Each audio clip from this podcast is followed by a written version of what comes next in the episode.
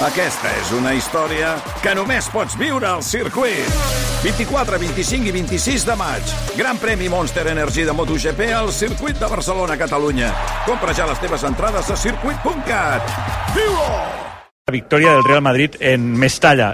Però jo crec que estaràs d'acord amb mi, Gerard, que mm. posat en un tuit s'apropa molt més a la línia Real Madrid Televisió que no pas a la d'Ancelotti, perquè ja queda allà reflectit per, per escrit en un compte oficial d'un club en el qual, doncs, eh, quan tu et queixes per escrit eh, doncs que et sents perjudicat és molt contundent, no? I sobretot que ho faci un club com el Madrid, com el Barça, que ho faci un club gran, eh, bé, la veritat és que t'empatiteix bastant. Aquesta és, la, aquesta és la, la sensació. Per part del València, sí. res, res, res destacable, indignació total al, al Madrid i ara pendent, sobretot, de, de, les sancions, de les sancions, però com ara tu deies, eh, una nit, la veritat, molt caòtica, molt caos, densa, caos, sí, on han sí. passat moltes coses i on els, ara parlant amb companys de València que, que ens deien que avui tenen nit de, nit de guàrdia, nit d'hospital, aviam què passa en dia que vi, perquè l'actualitat del València també agafa moltes més ramificacions, eh? No, no, així, també. és a dir, tu intentes eh, enumerar què pot passar en un partit eh, i realment ha passat de tot eh, avui i no em sorprèn que sigui a Mestalla eh, i amb el Madrid i el València protagonitzant-lo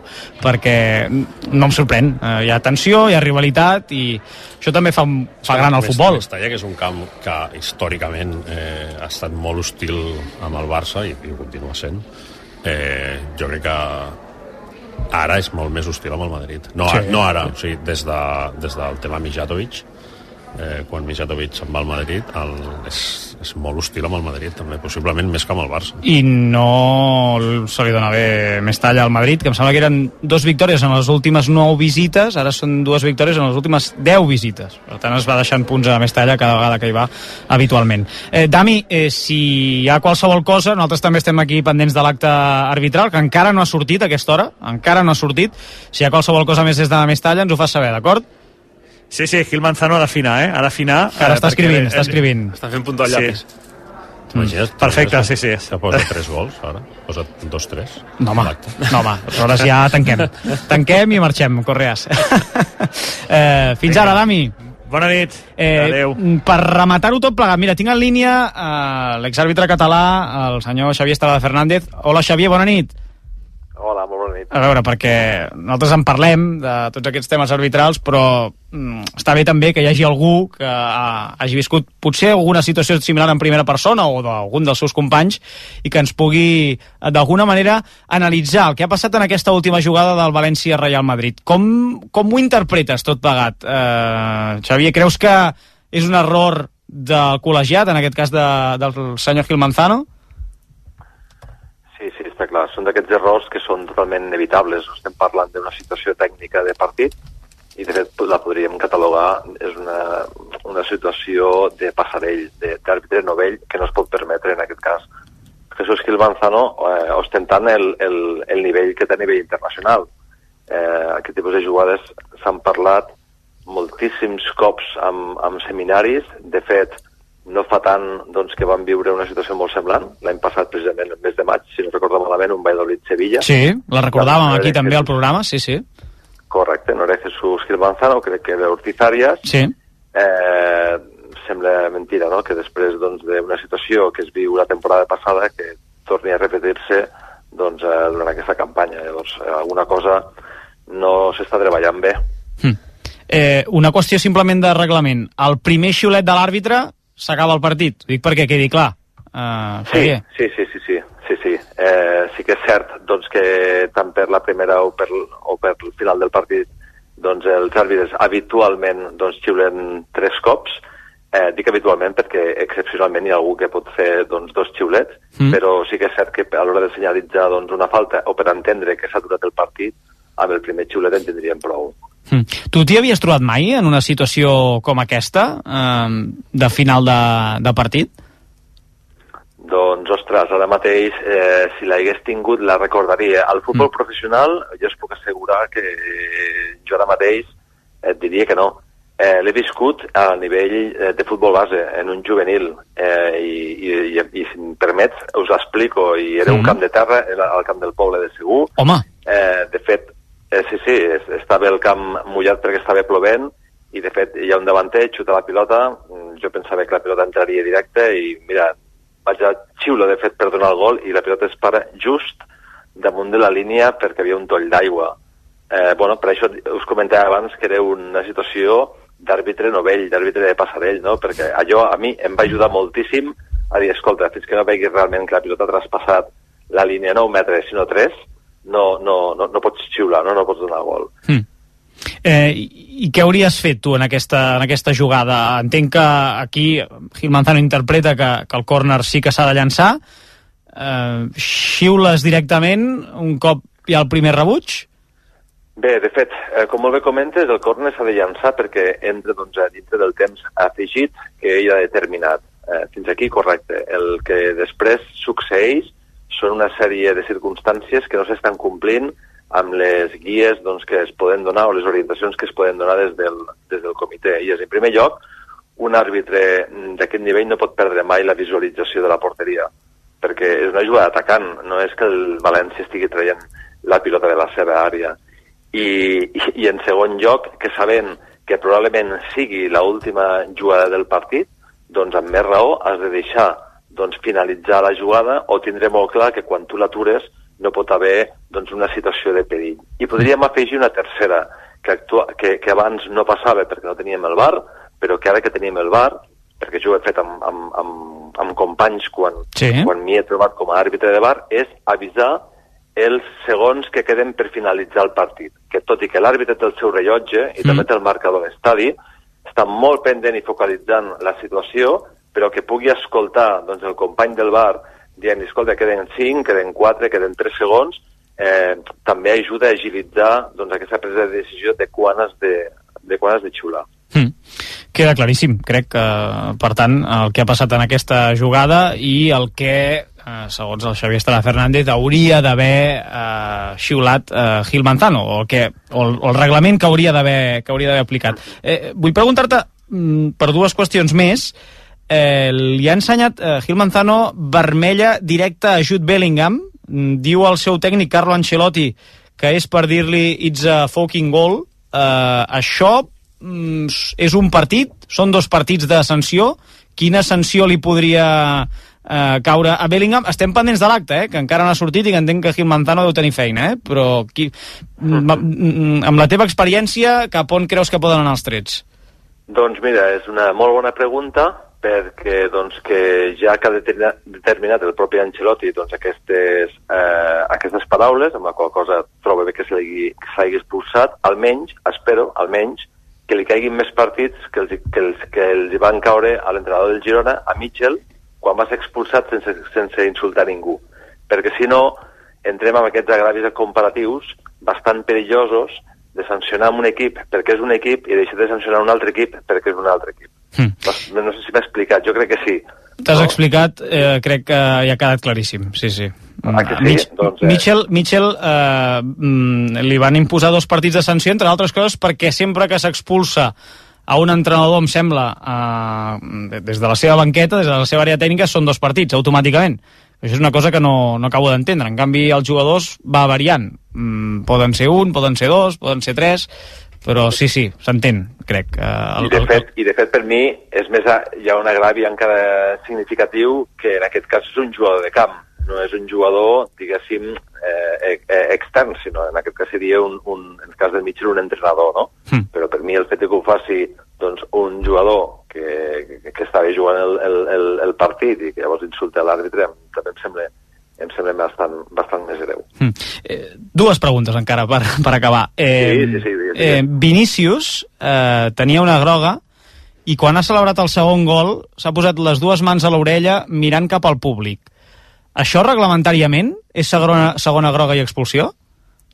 Doncs eh, reglamentàriament el fet de fer gestos provocadors i risoris o, o que puguin exaltar doncs, a, als espectadors, eh, sí, sí, eh, podria ser una, una targeta groga, però bueno, estem, jo estic una, una mica cansat de veure de que no s'és de la mateixa, de que no s'actua de la mateixa manera depenent dels jugadors que tinguis damunt del terreny de joc. I és així, però no probablement per una cosa o per, una, per la mentalitat de l'àrbitre, sinó perquè entén que està molt pressionat per part del, del comitè. Bàsicament, perquè moltes vegades quan s'expulsa a un jugador doncs, que té prestigi, que té molta ressonància a nivell mediàtic, l'àrbitre sap que probablement eh, aquell equip ja no el tornarà a xiular. Eh, ho vam veure mm, amb, amb, amb l'àrbitre del, del Madrid-Almeria, veurem el que queda doncs, de temporada torna a xiular al Real Madrid, jo tinc doncs, la meva opinió, i malauradament eh, els jugadors se'ls ha de tractar de la mateixa manera, independentment de quins jugadors siguin. Mm -hmm. Doncs queda, queda claríssim. I la última és, eh, tenint en compte el que ens has explicat eh, sobre l'error eh, que tu consideres que comet eh, Gil Manzano, es podria perdre alguna jornada eh, aquest àrbitre o el fet de que sigui un àrbitre internacional pot fer fins i tot que facin la vista grossa i que, i que no el castiguin? Mm, què creus que pot passar ara? Jo, fixeu-vos una mica el que us comentava abans, jo crec que això és un error totalment subsanable, és a dir, que no, que no hauria de passar en un, en un terreny de joc, perquè és un, un error d'aquests, eh, no, no és un error forçat entre cometes de que, no, o interpretatiu, de que, de que puguem xiular una cosa i després en sigui una altra per un, un mer fet interpretatiu.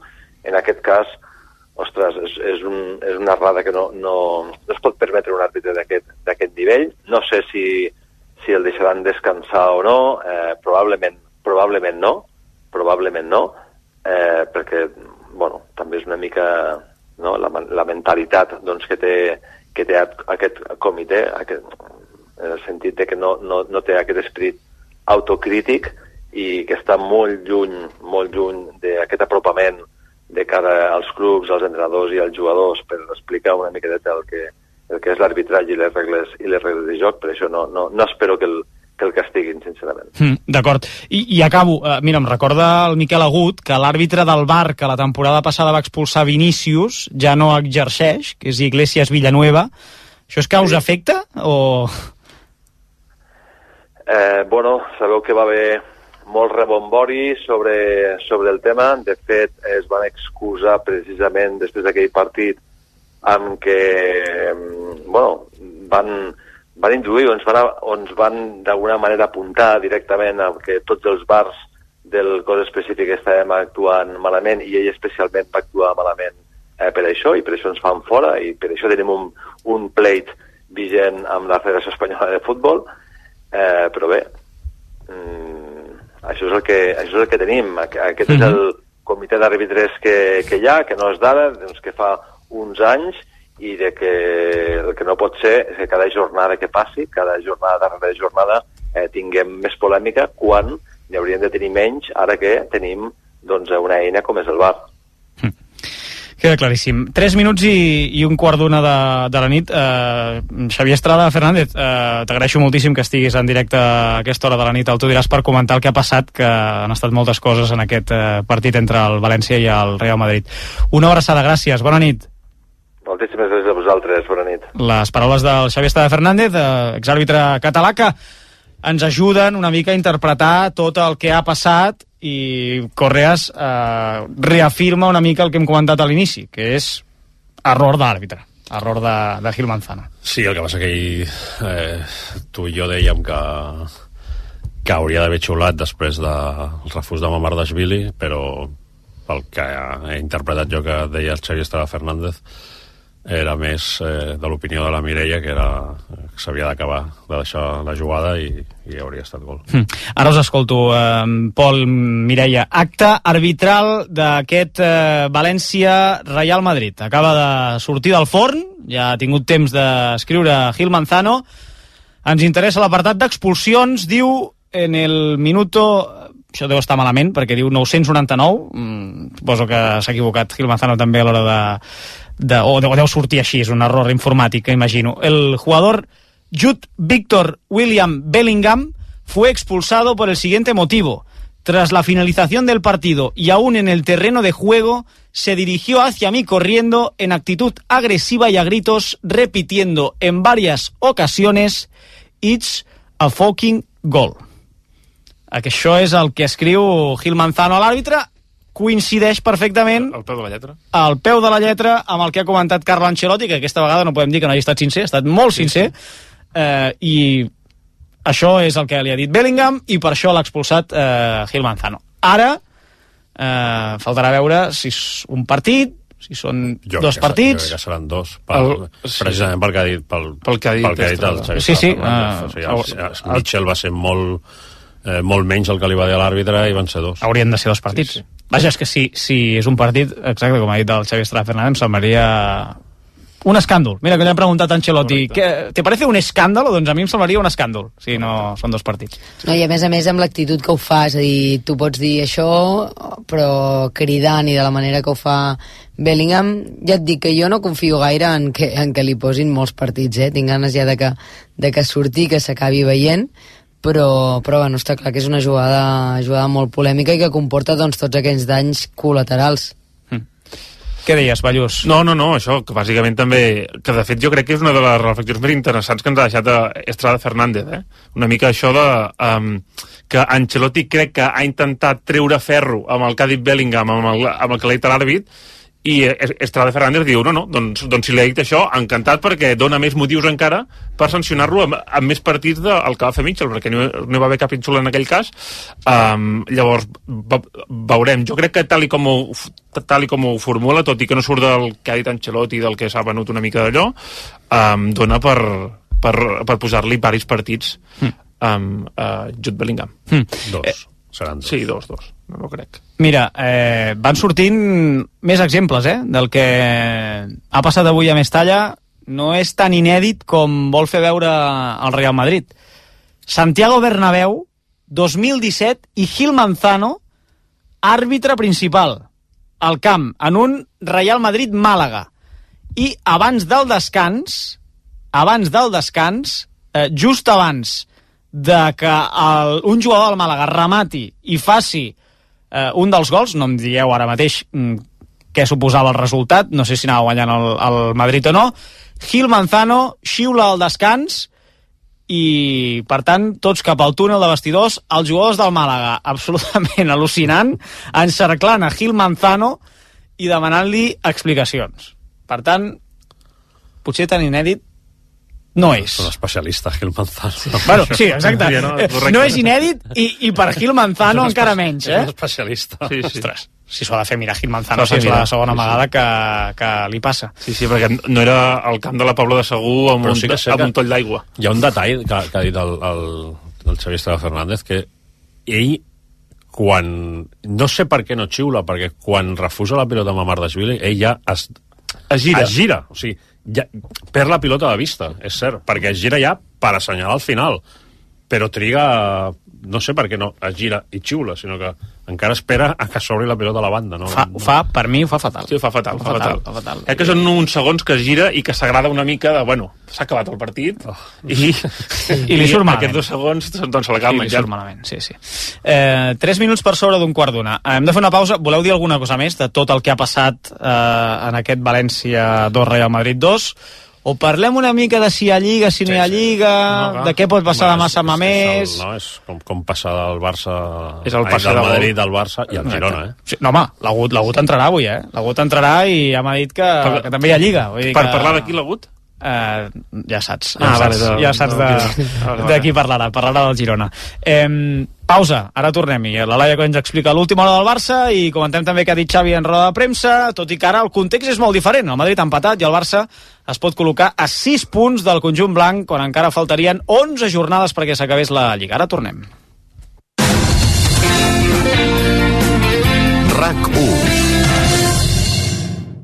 Aconsegueix amb l'avantguàrdia l'aspiradora sense cable X Nano de Roventa valorada en 179 euros amb 99. Subscriu-t'hi 3 mesos per només 99 euros i emporta't de regal l'aspiradora més lleugera i compacta de Roventa per arribar a tots els racons. Truca ara al 933 481 482. Rep el diari cada dia i gaudeix d'una casa més neta amb l'avantguàrdia i Roventa. RAC 1 Cada matí el món et desperta. Són les 6 del matí. Bon dia, Catalunya. Cada matí El món t'informa. Abans els apunts imprescindibles per anar pel món. I avui canvia el temps, baixen les temperatures i ja... Pel que fa al trànsit més enllà de les retencions habituals. Cada matí el món és allà on passen les coses. Perdó, tenim la sentència d'Alves. Marc Poyato. Sí, ja ho tenim. L'Audiència de Barcelona condemna a Dani Alves. Cada matí el món t'acompanya. Ole, Cristina Puig. Puig. Ui, Puig! El diàleg va. Acabo de fer el diàleg El món a RAC1. El programa de ràdio més escoltat de Catalunya. Cada matí, de 6 a 12, amb Jordi Basté. RAC1. Tots som 1.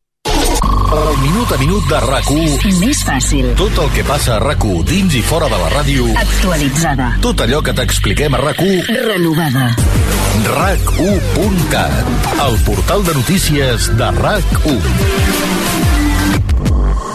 Escolta.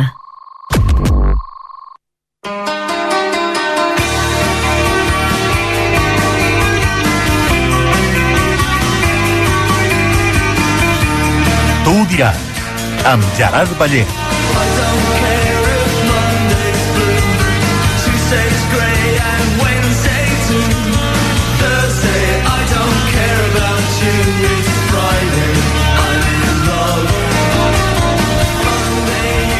Aquí seguim, el tu diràs 5 minuts per sobre d'un quart d'una. Hola, Laia Coll, bona nit. Hola, bona nit. Ets molt de l'Inter de Miami, tu, o no? Sí. Sí? Doncs estan jugant partit de la MLS a la segona meitat, a l'equador de la segona part, i estan guanyant 5 a 0 contra l'Orlando City, que em sembla que és el rival eh, o, o la rivalitat que hi ha, deu ser una rivalitat Sí, molt diferent eh, a la que hi ha aquí al futbol europeu, però diguéssim que és com un, com un derbi de, de Florida, Inter Miami, Orlando City 5 a 0, amb dos gols de Luis Suárez, són els seus dos primers gols amb la samarreta de l'Inter Miami, dues assistències, dos gols de Messi i un altre de Taylor. Eh, estan jugant també Busquets i Jordi Alba i eh, li estan clavant una maneta a l'Orlando City, allà als Estats Units tan tranquils i gaudint de, de la vida.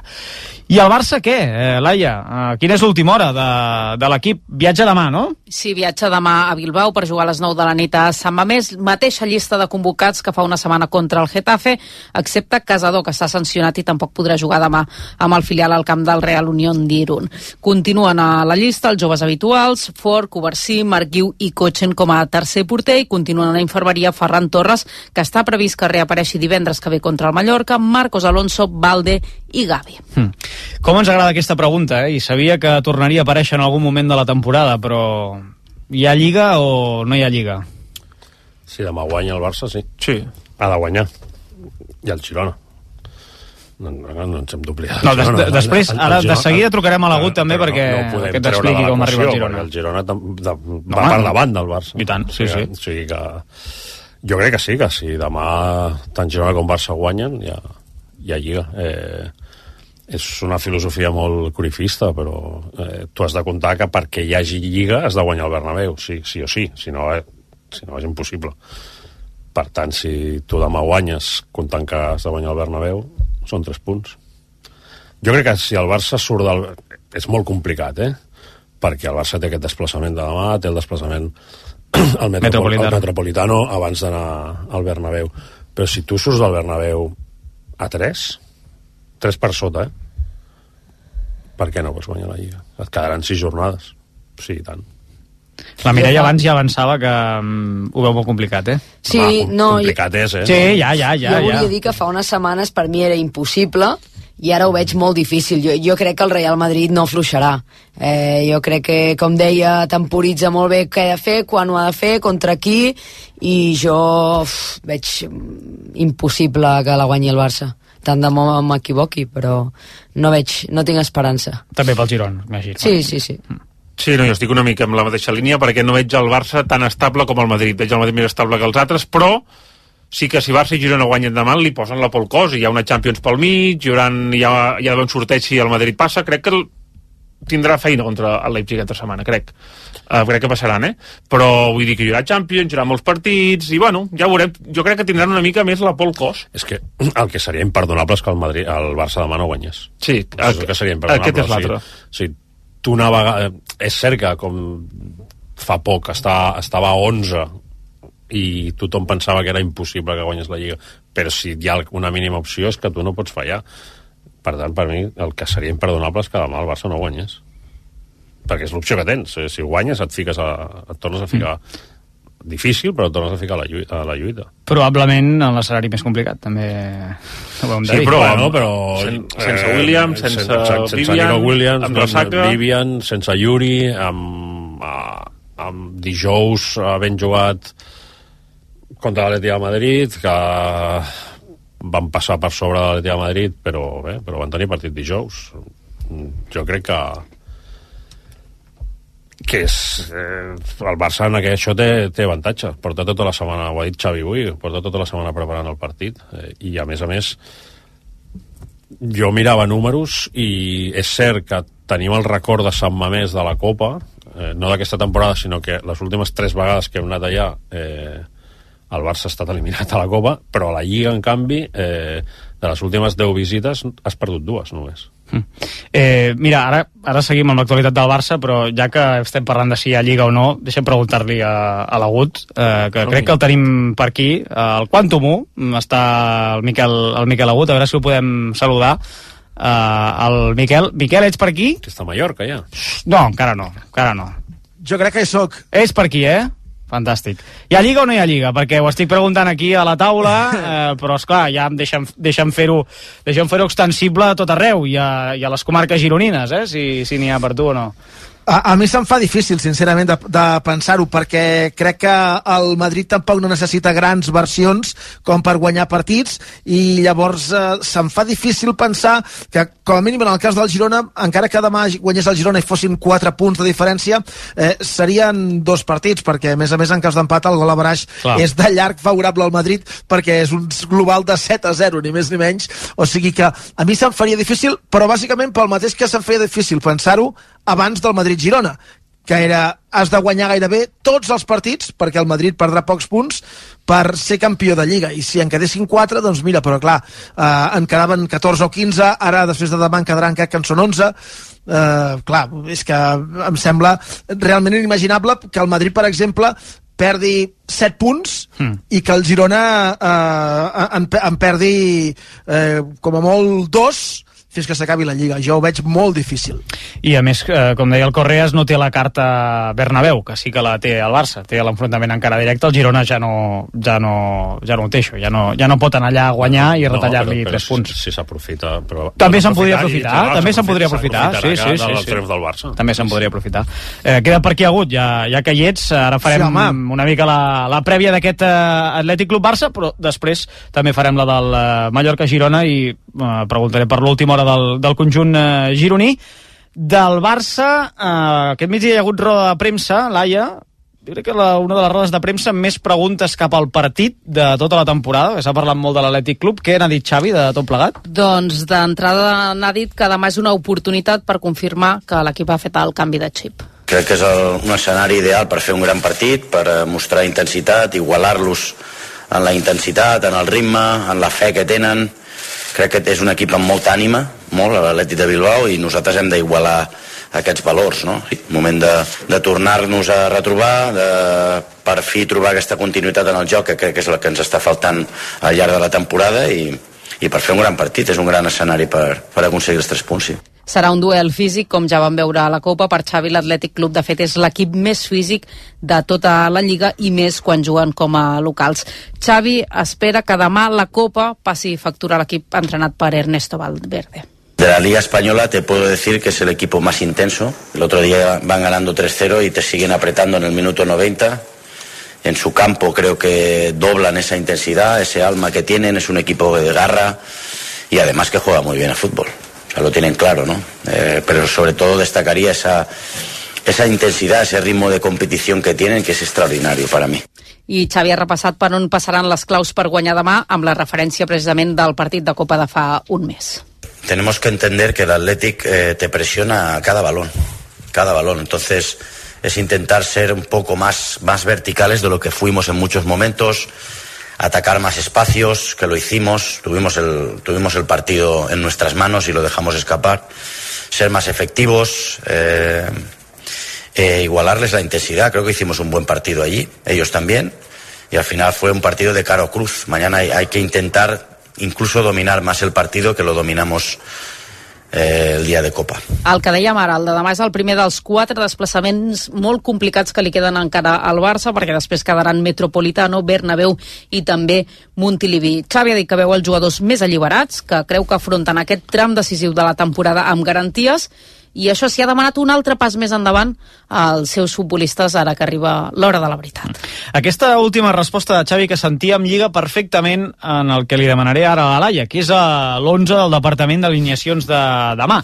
Sentit Xavi, eh, recordo parlant de les diferències que hi pot haver amb el partit de Copa, de les similituds, jo crec que especialment que hi ha amb el partit contra el Getafe i a partir d'aquí Laia mmm, repeteixes 11, no repeteixes 11 hi ha algun canvi en l'11 respecte al que va guanyar 4-0 el Getafe?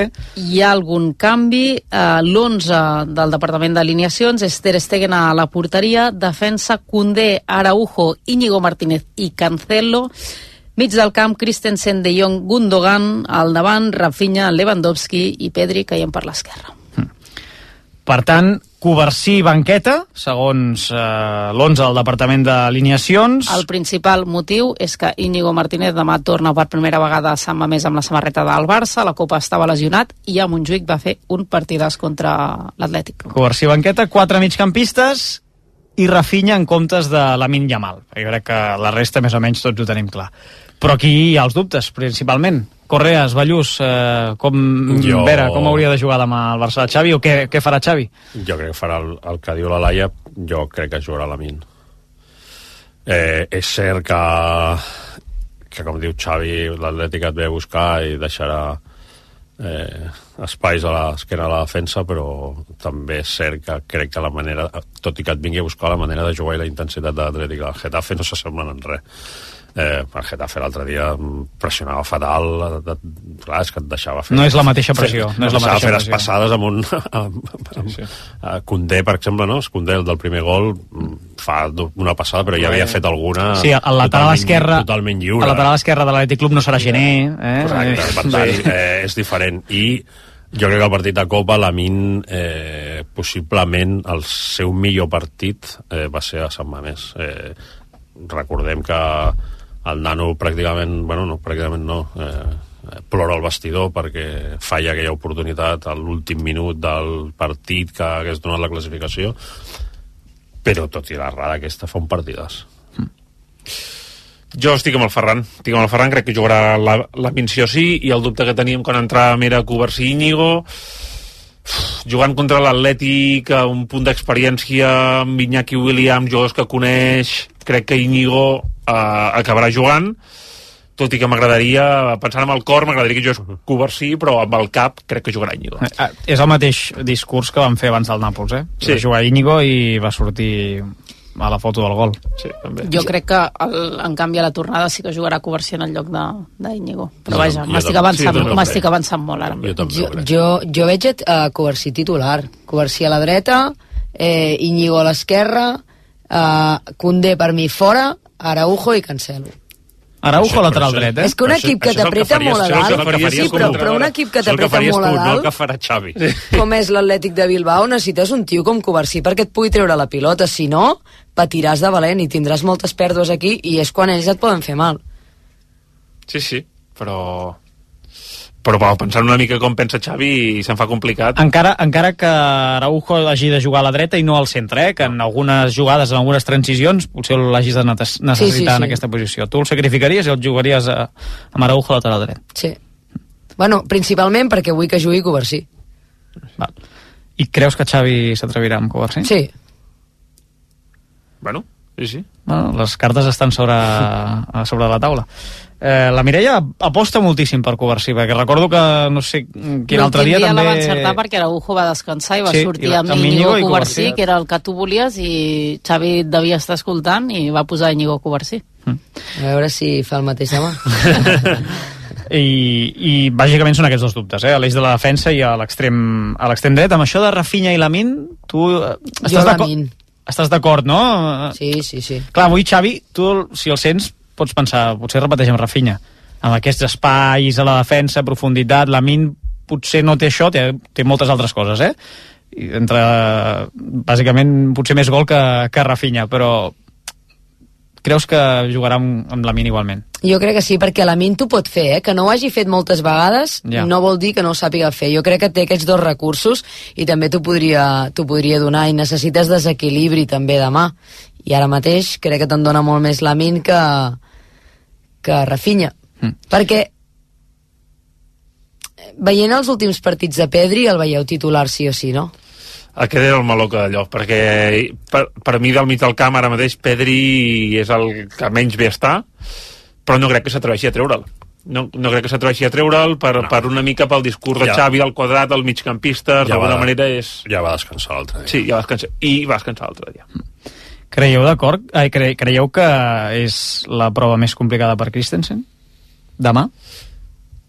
Sí, tot i que és, és que torno a dir el que, el que deia abans del partit del Getafe. Jo crec que contra el Getafe és cert que Christensen crec que cada partit juga una mica millor, per exemple, a aquesta posició.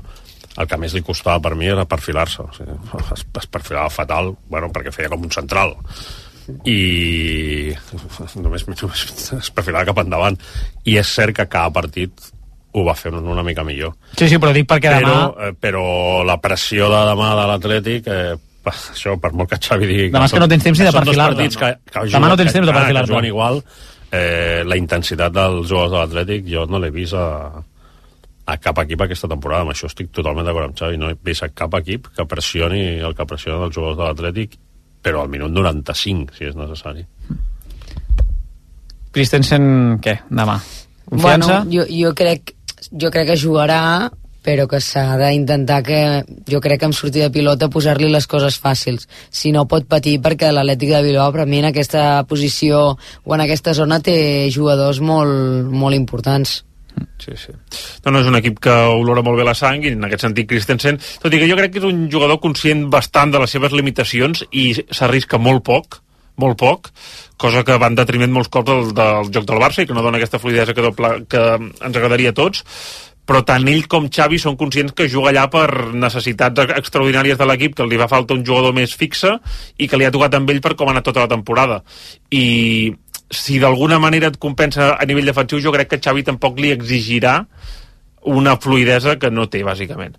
Um, llavors això, crec que d'alguna manera el, el barem per moltes coses amb Christensen el tenim me, més baix, crec sí, jo. però, jo, jo crec que Christensen eh, jugarà en molts partits. Eh, ja, Sí, no- no tots, Gairebé tots, gairebé tots. Que hi haurà algun que no, que hi haurà algun que, que possiblement jugarà amb un 4-3-3 i tornarà a jugar amb Frenkie de, depèn del rival, eh? Sí. Refereixo amb rivals més, més fàcils. Però jo crec que jugarà molt, molt, molt, perquè és que no té un altre, un altre sí que té un altre jugador, pot jugar Frenkie, pot jugar Gundogan, però és cert que així fas que Gundogan i Pedri juguin a prop de l'àrea. De... Vols dir alguna cosa, Ballús? No, bàsicament anava a dir que per mi demà és un partit de... S'ha parlat molt d'això de que des de que Xavi anuncia que se'n va, que ha notat que l'equip s'ha destensat i que ha millorat i que el vestidor està millor. Eh, Quan es fa molt aquest anàlisi crec que el fa sobretot pel que diu Xavi pels punts que s'ha fet i per com s'ha jugat i tot plegat. Jo crec que per sensacions hi ha hagut moments que tampoc m'ha fet pensar que l'equip hagi canviat tant. Demà, per mi, és un lloc on, on, on has de demostrar això. Més que guanyar, més que pels punts, que per les matemàtiques que fa Xavi, que diu que des de que ho va anunciar hi ha hagut aquests punts, demà és un lloc on, has de, on, on l'equip doncs, ha de demostrar si ha millorat o si d'alguna manera hi han les carències que, que hi, seguien havent. El que passa que després també es... hi haurà gent que analitzarà el resultat només, també, eh? Sí, sí, sí, sí, però bueno, que Xavi, i amb molt encert ho deia, és, és la mateixa persona doncs, que ha dit que durant tota la temporada que a final de la temporada s'analitzarà com s'ha jugat tot, Sí, sí, el com sí, i tot plegat i a partir d'aquí doncs treure conclusions doncs amb això crec que hauria de ser el mateix Mm. Del rival, de l'Atlètic Club Laia, que arriba amb ressaca després de classificar-se per la final de Copa, eh, van guanyar 3 a 0 els de Valverde, eh, què n'hem de saber? Doncs d'entrada important tenir en compte els números dels Lleons a Sant Mamés. Només hi han perdut un partit en tota la temporada. Va ser a la primera jornada de Lliga contra el Madrid i a partir d'aquí només han cedit dos empats davant el València i el Getafe. Valverde ha posat avui èmfasi a la necessitat de fer un canvi de xip i aparcar la Copa. hay que hacerlo. Es una obligación. Eh, esto va muy rápido y, y nos gustaría que cuando ganas durara mucho, pero bueno, es lo que hay. Eh, pero al mismo tiempo también está bien. Eh, sobre todo vamos a intentar aprovechar esa inercia positiva eh, y, y, bueno, esa confianza que, que tenemos después de ganar y pasar a la final el otro día para aprovecharla para, para la liga. Baixes d'Ander Herrera i Yuri per lesió i de Vivian i Nico Williams per sanció. Completen la llista Jaure Guizar, Hugo Rincón i també Eguiluz del filial. Valverde creu que el Barça no pot fallar més si vol optar a la Lliga, però l'Atlètic Club tampoc té gaire marge si vol continuar amb opcions de lluitar per entrar a la Champions la temporada que ve. Ara són cinquens a 3 punts de l'Atlètic de Madrid. Igual que la Copa, Valverde espera un partit exigent davant un Barça, el que veu millor respecte fa un mes. También vienen de, de, buenos partidos, jugaron muy bien en, Nápoles, merecieron ganar. Eh, el otro día también muy bien contra el, contra el Getafe, están en un buen momento y supongo que vienen aquí con la intención de ganar, de aprovechar esa situación que nosotros venimos de jugar en, en poco tiempo y, y, también pues un poco de cara a sus perspectivas para la, para la liga. En el fútbol eh, una semana, dos semanas es un mundo, eh, las dinámicas cambian, sobre todo la, porque vas muy en función de los resultados y de, bueno, de los resultados y de la confianza que te generan esos resultados. Esperamos a un, a un gran equipo eh, y tenemos que hacer un gran partido para poder ganar. Això és el que ha dit eh, Ernesto Valverde en la prèvia del partit eh, de demà a Sant Mamés contra el Barça. 20 minuts i la una, re, una pausa i de seguida sentim Xavi parlar sobre el seu futur. Ha canviat alguna cosa respecte a les últimes rodes de premsa? Ara en parlem, aquí el tu diràs. Tu diràs, amb Gerard Ballent. Ei, que avisa no és traïdor. Si estàs escoltant aquest anunci d'en Peus, millor que seguis. Aquest mes, si compres un SH 125 i contractes Onda Plus, tens 5 anys de garantia, Onda Mapi, immatriculació i assegurança tercers el primer any, gratis. Informa't d'aquesta promoció i de la nova Onda SH 125 a la xarxa oficial de concessionaris Onda de la província de Barcelona.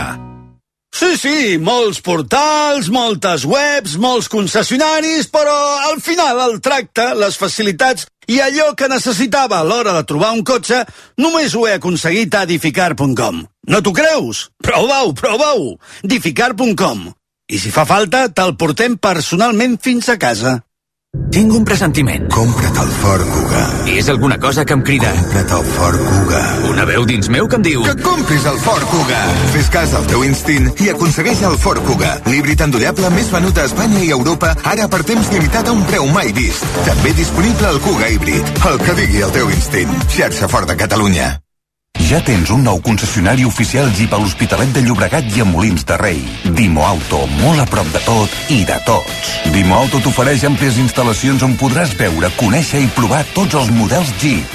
Dimo Auto, el teu nou concessionari oficial Jeep a l'Hospitalet i Molins. Dimoauto.com. Molt a prop de tot i de tots. Bona nit. En el sorteig del soldazo del cap de setmana celebrat avui, el número premiat amb 5.000 euros al mes durant 20 anys i 300.000 euros al comptat ha estat 98.611 98611 de la sèrie 53 053. Uns altres quatre números i sèries més han obtingut cadascun un sueldazo de 2.000 euros al mes durant 10 anys. Els pots consultar a juegos11.es. Demà, com cada dia, hi haurà un venedor molt a prop teu repartint il·lusió. I ja ho saps, a tots els que jugueu a l'11, ben jugat.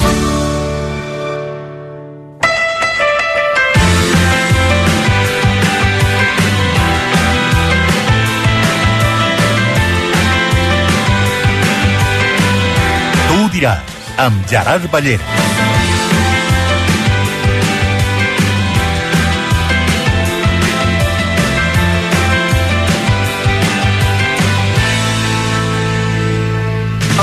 Dos minuts i tres quarts d'una. Com deia, Xavi ha parlat avui sobre el seu futur i què ha dit, Laia? Doncs, uh, mira, escoltem-lo. No, no, a día de hoy no, no ha variado nada. No hay, no hay tema. Eh, paso a paso y a por el Atleti mañana nada más. No, a día de hoy no hay, no hay ninguna variación. I hi ha hagut uh, una segona pregunta. Hola Xavi, eh, buena tarde, Alex Quintanel de Relevo. Perdona que te pregunte también por tu futuro, simplemente tú siempre has hablado que eres un hombre de club, te has adaptado a todo lo que te han pedido siempre. Eh, si el club no encuentra un técnico y de aquí a unos meses te pide eh, cumplir tu contrato, ¿te lo pensarías entonces? Gracias. Es que ya he dicho, a día de hoy no, no hay ninguna variación. Està tot igual. Sí que ha canviat alguna cosa i és que avui Xavi ha dit fins a tres vegades a dia d'avui. A dia d'avui no ha canviat res. Però tres vegades en, en menys de 20 segons ha dit a dia d'avui. Casualitat, com ho veieu aquí a la taula? Jo crec que casualitat no, no casualitat gaire. no. Eh, ja és una cosa que corre aquesta setmana, no és, no és d'avui, des de dilluns, que, que ja surt, el, ja surt la informació, di... Deco, Que- que- Deco- Deco- la revista Catalunya Ràdio Sí. també no tanca la porta, no tanca la porta i diu- la informació aquesta que diu el Ferran és que el president Joan Laporta li hauria demanat a Xavi que continués. que s'ho repensés, que s'ho pensés. Eh... Jo crec que al al final s- dependrà dels resultats. És així, si, no sé, al final si eh, remuntes a la Lliga, l'acabes perdent, però, però acabes amb bones sensacions, segon, a, no sé, posa-li a 3 punts al Madrid, arribes a les semifinals de Champions, doncs potser sí que aquest a dia de eh, es converteix en me lo pienso i me quedo. Eh, però si els resultats no són bons, doncs no hi haurà cap, cap canvi. Tot i que si s'acabés en aquest escenari eh, quedaria eh, molt del relat d'aquesta temporada desputllat totalment, sí, perquè Xavi va ser el primer que mesos abans de ell anunciar que marxaria que va dir bàsicament que si no hi havia títol d'aquesta temporada que se n'acabaria anant, perquè en aquest club el que manen són els títols i són els èxits. Llavors, per molt que i faig un supòsit, però per molt que acabi segon a la Lliga i facis unes semis de Champions que és més del que esperaves, um, aquí no hi ha cap títol... Però, però això, això sí que és cert que i és errada de Xavi, eh? Jo crec que aquí Xavi va fallar comprant el discurs aquest dels títols. Perquè no, no, no havia de dir. Sí. Va fallar. I jo crec que ell ho sap, que va fallar. Sí. Comprant el discurs de que tornaríem a guanyar. Sí. Sí, pots guanyar, però al final guanya un i tens molts rivals i no, no tens...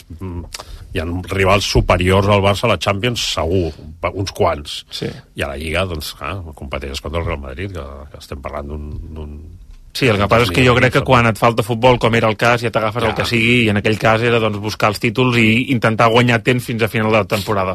Aquí també hi ha dues coses com que transpiren un, una mica el tema per mi, que és una, clar, posa més dubtes també sobre la capacitat que té el Barça per afrontar el fitxatge del proper entrenador perquè s'ha parlat Clar. molt de que qui agrada més a la directiva és l'entrenador del Brighton Roberto De Zerbi, que tots saben que té una clàusula i si el Barça la pot pagar o no i dos, i això ja és més un supòsit meu que no informació, eh? evidentment aquí no hi ha informació.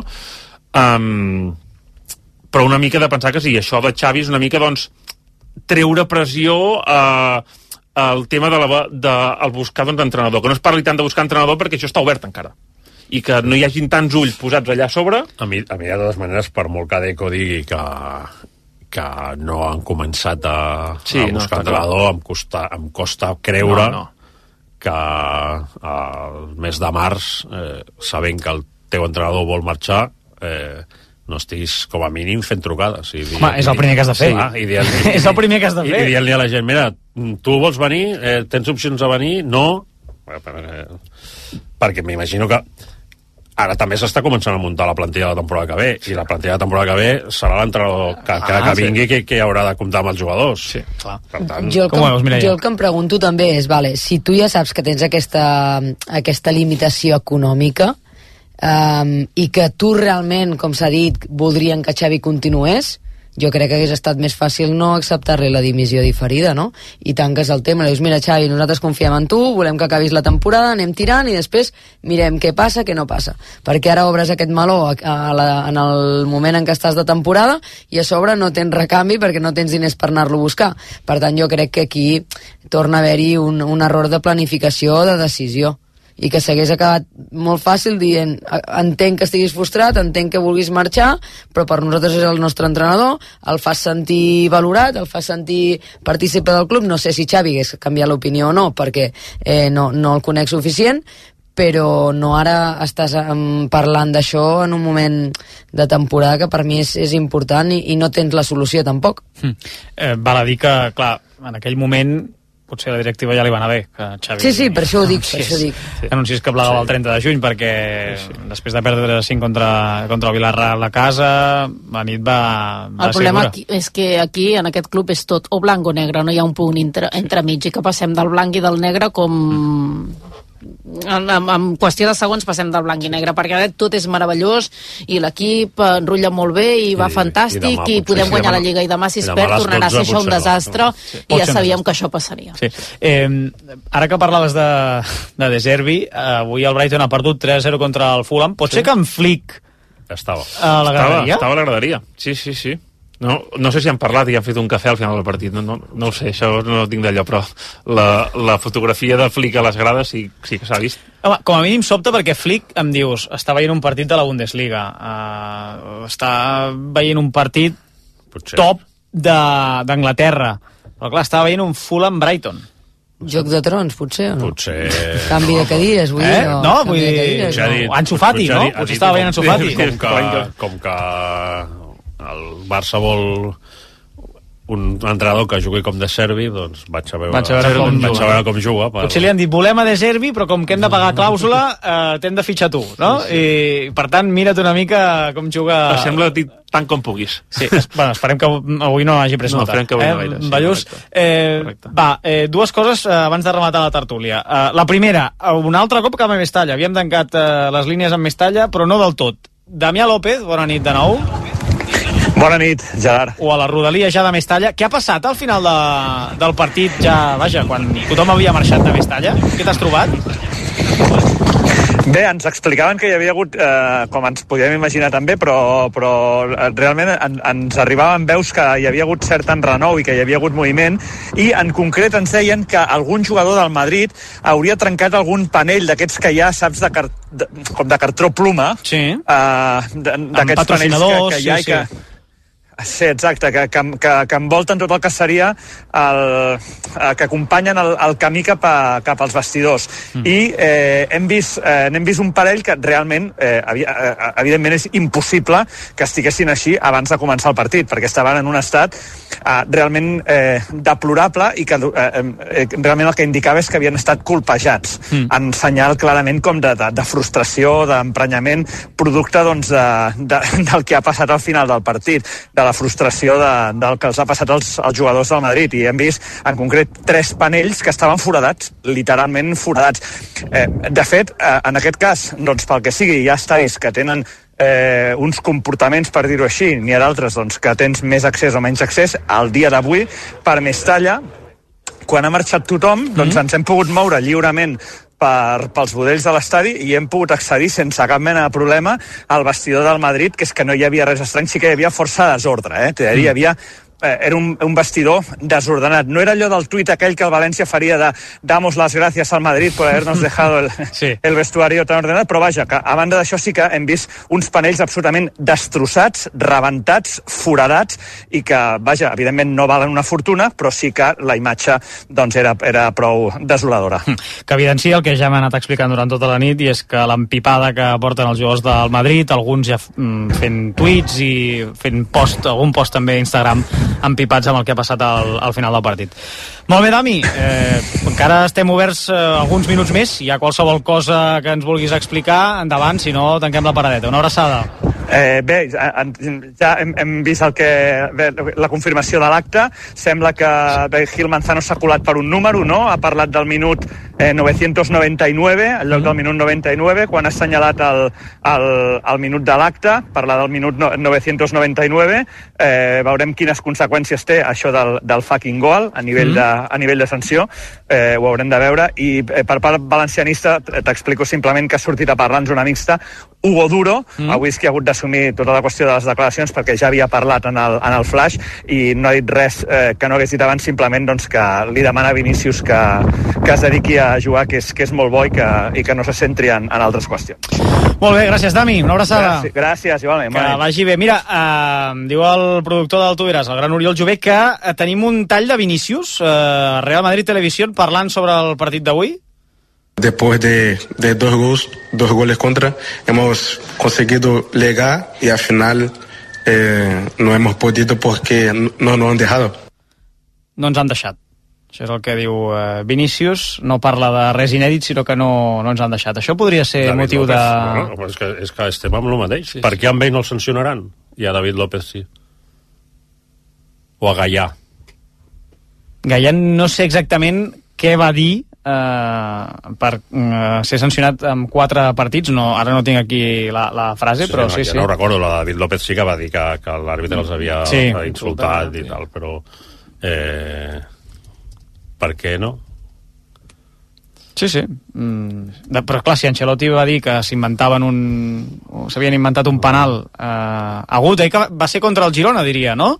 Sí. Sí, va ser a la temporada passada un penal per mans d'Asensio, li toca la pilota primer una altra part del cos, però com que tenia el braç molt desenganxat, l'àrbitre de bar va alertar Milero López, que era l'àrbitre de camp aquell dia, el van a veure, el va indicar i el Girona va acabar empatant amb aquell gol de penal i sí, Ancelotti posteriorment a la sala de premsa va dir que l'àrbitre s'havia inventat el penal, no hi va haver sanció i abans que parlava Estrada Fernández de Mitchell, eh, a les primeres jornades de Lliga, Ortiz Arias va expulsar Mitchell per dir-li en un Betis Girona parece que vayáis de verde. O sigui, això van ser dos partits. La ironia de Mitchell van ser dos partits, potser perquè la ironia és més punyent que no pas certes paraules dites més directament, però sí, sí, allò va provocar dos partits de sanció, mentre que dir que l'àrbitre s'ha mandat un penal no va provocar cap mena de sanció, perquè evidentment qui pronunciava aquelles paraules era l'entrenador del Real Madrid. Hmm. Gallà eh, va dir no ha querido pitarlo. No nos han dejado. Sí, aquest el Sí, mateix. sí. Quatre partits, eh, Gaia? Quatre partits, sí, sí. Capital València, que avui jugava a, a Mestalla. Eh, a veure què passa, perquè mm, diguéssim que això eh, en continuarem parlant segurament en les pròximes hores. Agut, va, eh, per rematar-ho, hem de saber l'última hora del Girona i què n'han dit també en la prèvia tant Mitchell com Aguirre, d'aquest partit que juga demà, aquest eh, Mallorca-Girona, abans de l'Atlètic Club Barça, a dos quarts de set, òbviament íntegrament en directe a RAC1. Ho diràs, amb Gerard Ballent. Espera, espera, espera, para-ho, para-ho. Puntí, a veure si pots parar. Sí, para-ho, eh, perquè li he demanat al, al, a l'Agut que, que parlés, però no sé si m'ha si entès. Agut és per aquí, eh?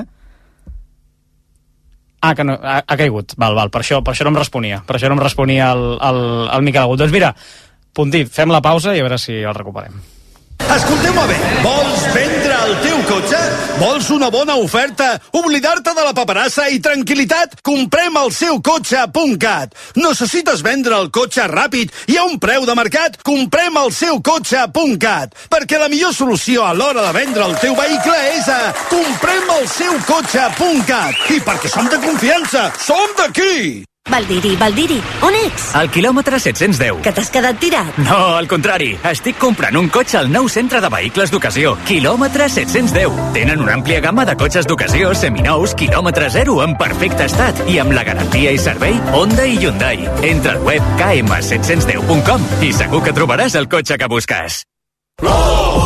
En la venta de tu coche, como en todo, puede ser un loser o un pluser. Un loser no valora su tiempo. Un loser se deja embaucar con ofertas de compra que no se respetan. ¿Quieres ser un pluser? Ven directo a Ocasión Plus para recibir siempre la mejor tasación pago en el acto y siempre con total transparencia. Ocasión Plus. Ya somos más de 200.000 plusers. ¿Te unes?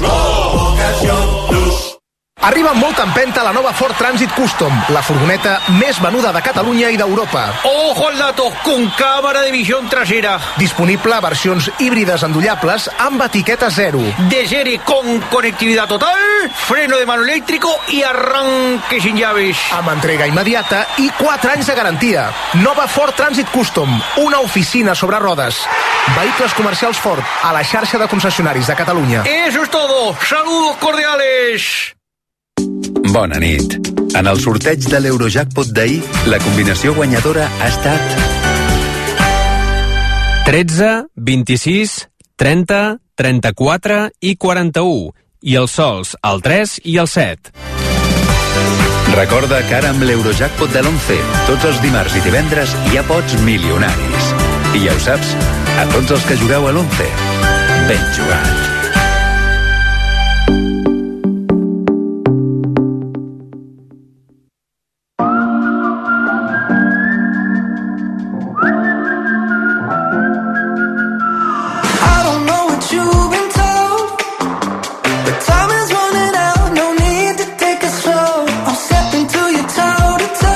Toe. Tu diràs, I should be scared, honey, amb Gerard Ballera. Un minut i la una, hem recuperat a l'Agut. Ets per aquí, Agut, eh? Hi soc, hi soc. Perfecte. Et preguntava per l'última hora del Girona i per què n'han dit eh, tant Mitchell com Aguirre d'aquest partit demà a partir de dos quarts de set de la tarda. Doncs mira, des del punt de vista del Girona, l'última hora és que David López, l'amic d'Ortiz Arias, no hi serà per culpa de lesió.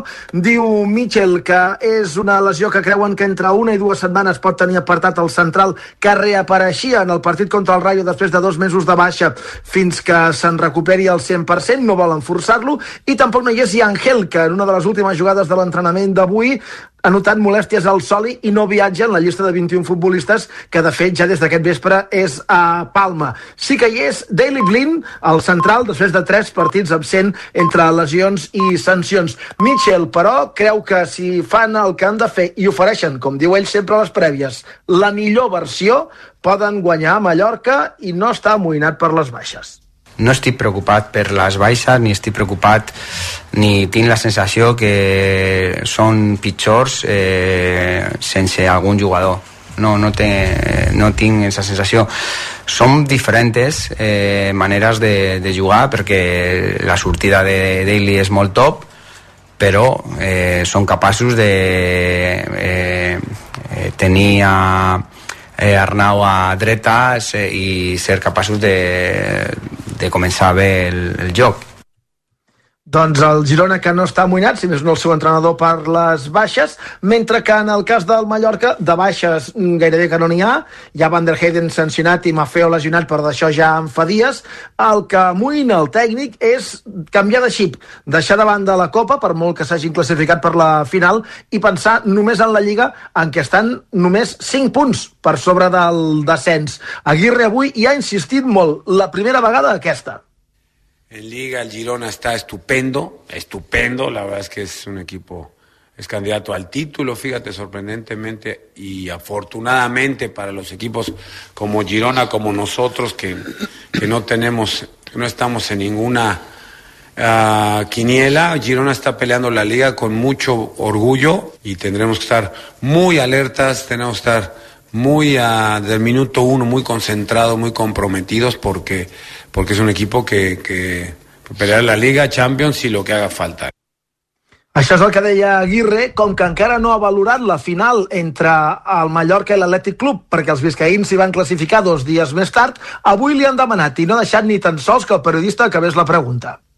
Lo que nos da nosotros la vida es la liga y no estamos para, para tirar cohetes, la verdad todavía estamos en una zona comprometida, faltan muchos partidos y no nos podemos despistar. Por lo tanto, desde el minuto uno, ya cuando volvimos y aterrizamos en, en Palma, ah, me he dedicado, mi discurso está basado en eso, en que la liga, la liga, la liga, y lo otro ya quedó aparcado hasta cuando toque. De momento no, ni tocamos el tema, no hablamos de eso. Tocarà el 6 d'abril, aquesta final de Copa Sí. contra l'Atlètic Club de Bilbao a la Cartuja, a Sevilla. El partit demà a dos quarts de set, aquesta temporada, per cert, Gerard, dos precedents oposats. Victòria, golejada i resultat, vaja, joc enlluernador del Girona Montilivi, tot i que el Mallorca va reduir diferències al final fins al 5 a 3, però a la Copa, al camp del Mallorca, 3 a 2 pels Balears, 3 a 0 al descans després d'una molt mala primera part del Girona, o sigui que veurem quin partit es pot veure demà a l'estadi mallorquinista amb Hernández Maeso, que és qui va xiular al camp Sí. al Madrid-Almeria dirigint aquest partit. Sí, esperem que no hi hagi polèmica arbitral, que ja n'hem tingut prou aquesta, aquesta nit. Agut, eh, ho expliques demà, a partir de dos quarts de set. Una abraçada. Una abraçada, adeu. Gràcies, adeu, adeu. I acomiado també els tertulians, que és tard. Eh, Mireia Vera, Pol Ballús i Ferran Correas. Hi ha Lliga. Que vagi bé, eh? Lliga. Que vagi bé. Que vagi Bona bé. nit. Bona nit, bona nit.